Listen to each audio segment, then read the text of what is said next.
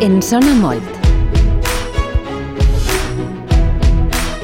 A mi també em sona el que porta Isabel Ferrer. Bona vesprada.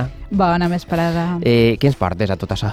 Avui anem a parlar d'una curiositat, l'origen del nom de les notes. Què És dius? Un... Sí. Que xulo. És un tema que els músics i persones en general tenim molt assimilat, interioritzat, que el nom de les notes és ixe, Mm. però crec que és, és bonic recordar i explicar d'on ve ixe, Sí. ixe nom. Perquè quan parlem del nom de les notes vols dir do, re, mi, etc. Sí, sí, no? vull dir això. Això dona una explicació. És a dir, el nom de les notes podia haver sigut qualsevol altre i avui veurem perquè és ixe, què, qui i com. Ai, muy de ganes. Endavant, Isabel. Sí, eh, mireu, començarem dient que d'on es trauen les síl·labes que formen el nom de les notes i després tiraré enrere en el temps per a veure com arribem a elegir aquestes síl·labes i no unes altres. Uh -huh.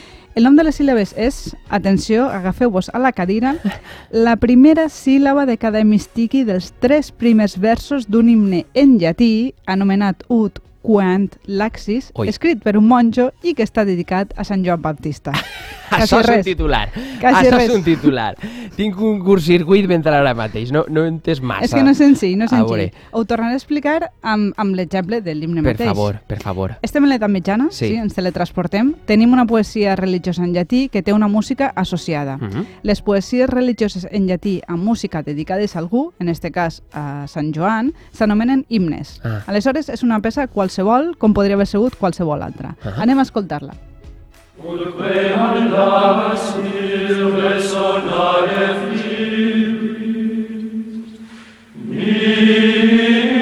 Pensant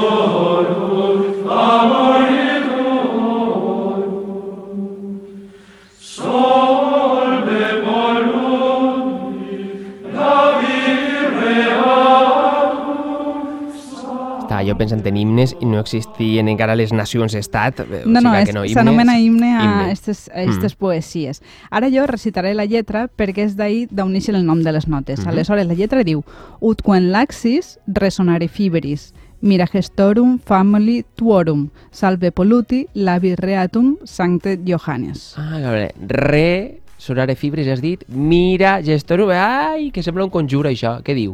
Res massa rellevant, almenys pel cas que ens ocupa, però com a curiositat la traduiré, sí?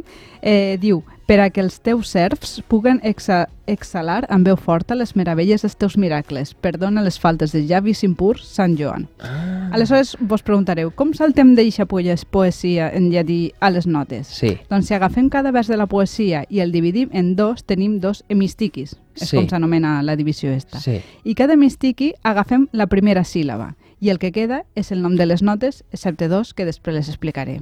Si vaig a tornar a llegir l'himne destacant aquestes Espaiet, síl·labes. a veure si Espaiet. l'espillem. Ut, quan laxis, que es canviarà després, esta síl·laba ut, es canviarà per do, re sonare fibris, Ahà. el re, mi iracestorum, fa molituorum, sol vepoluti, La virreatum, i el sante Johannes, sí?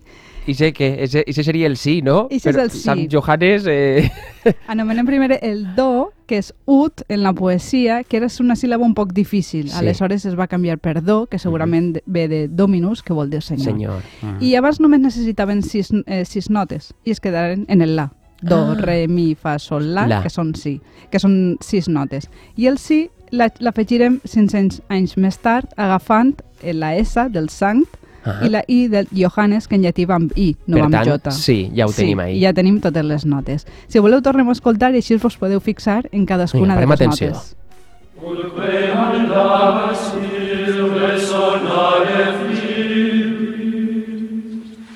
Eh,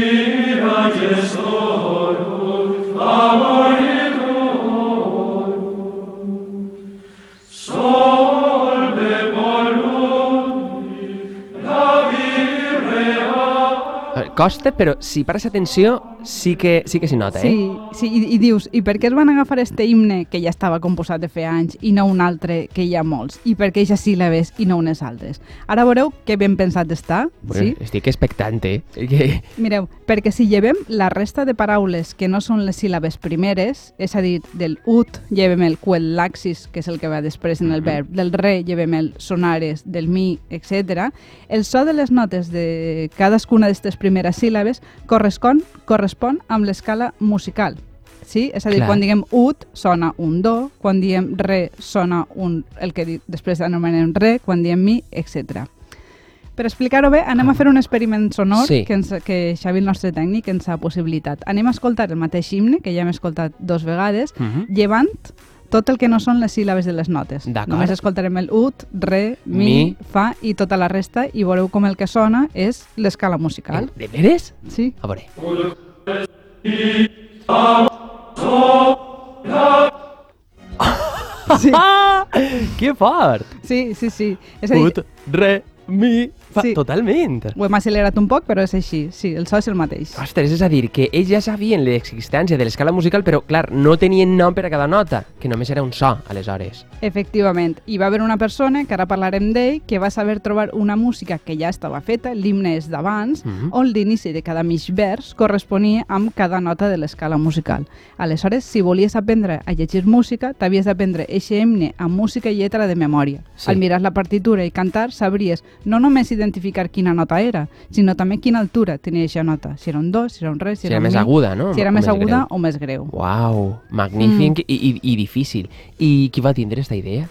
Era molt antic? Esta, esta fórmula té mil anys, que es diu pronte, sí, i, i sé que ara sona molt estrany i complicat, però en el seu moment va ser tota, tota una revolució. Però, però qui va tindre la idea? Sí, la idea se l'atribueix a un monjo benedictí anomenat Guido, que va Mhm. néixer i va viure a la localitat italiana d'Arezzo, a la Toscana Sí. italiana.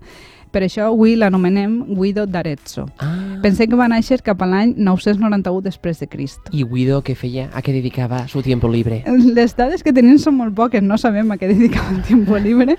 Sembla que es dedicava a ensenyar cant a monjos novells, ja que és conegut per les seves innovacions pedagògiques en l'ensenyament musical. Inicialment, ell el que va detectar és que els cantants novells tenien moltíssima dificultat per aprendre cants gregorians. Ah, I com hem d'imaginar una, una escola de cant gregorià? Com seria això? Com aprenien els cants? Escoles com a tal no hi havia, el que es feia era als monestirs, s'entrenava als monjos mateix per a que pogueren participar en les cerimònies religioses. Com no hi havia mm, molta música composada en aquell temps, el que feien els frares era aprendre per transmissió oral. És a dir, algú anava cantant, els altres s'ho prenien de, memòria no? i ja Memorieta. està. Per a que fora molt més senzill, hi havia una cosa que s'anomenava modus, que eren unes quantes melodies prefetes i sempre igual, sempre les mateixes, a les quals només calia anar afegint lletres. Per Mm. tant, s'ana- conforme anaven canviant les oracions, depenent del sant, depenent del dia, a aquest modus, a aquesta melodia, se li afegia la lletra que tocava per a cada oració. I això es va anar complicant, m'imagine. Va arribar un moment en què cada vegada hi havia més cants i més oracions i era fàcil oblidar-se o equivocar-se. Aleshores, per no oblidar-se de quina música anava en eixa oració, van començar, ells tenien la lletra, i van començar a fer com uns xicotes dibuixets Sí. al costat de les, de les lletres per a veure com es, eh, com es cantava això.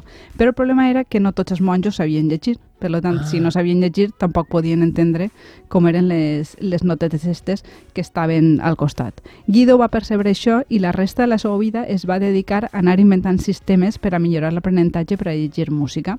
I algunes de les seues innovacions ens han arribat avui en dia. O sigui que una d'aquestes innovacions és el nom de les notes. És el nom de les notes, però per a entendre per què va crear el nom de les notes, primer hem d'entendre un problema major, que és on se posaven les notes. Clar. Sí? Les notes, els dibuixets de les Sí, notes, sí. on se posaven. I on se situen les notes? O sigui, el, el que seria el, el pentagrama? El pentagrama, Sí. exactament. Clar, penseu que si no tinguérem el pentagrama no sabíem quines notes són. Veuríem com una... El pentagrama són unes línies que ens indiquen exactament a quina altura està la nota i saber quina és.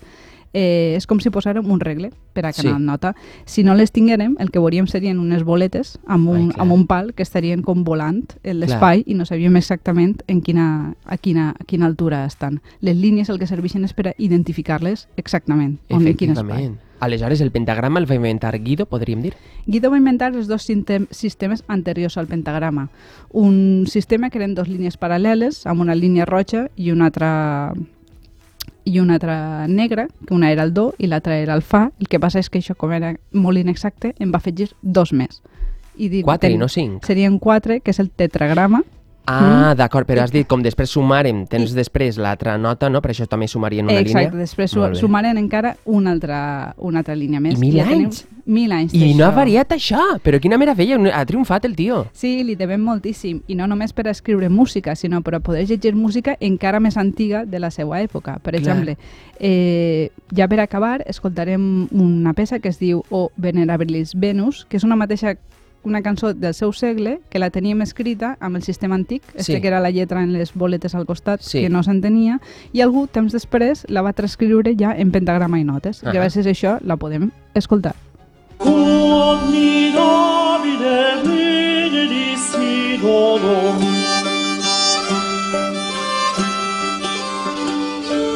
Cujus materie nicides frivolum.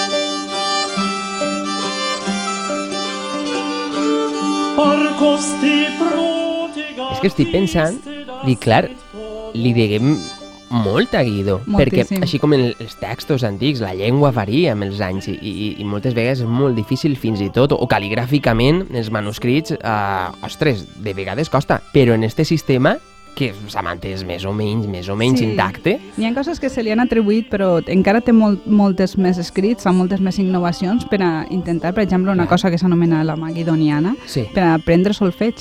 A gent que no mà. sabia llegir, per ajudar els monjos a, a aprendre música eh, amb totes les dificultats i ha anat avançant amb el temps i s'ha mantingut I tant. pràcticament fins Jo, avui. si fora músic em faria una samarreta que posarà I love Guido, sense, sí. sí, sí, sí, sense dubte. Tots, tots, tots, els musicòlegs també. Molt bé, doncs eh, Isabel Ferrer, musicòloga, moltes gràcies i fins la setmana que ve. A vosaltres, fins Adéu. la setmana que ve.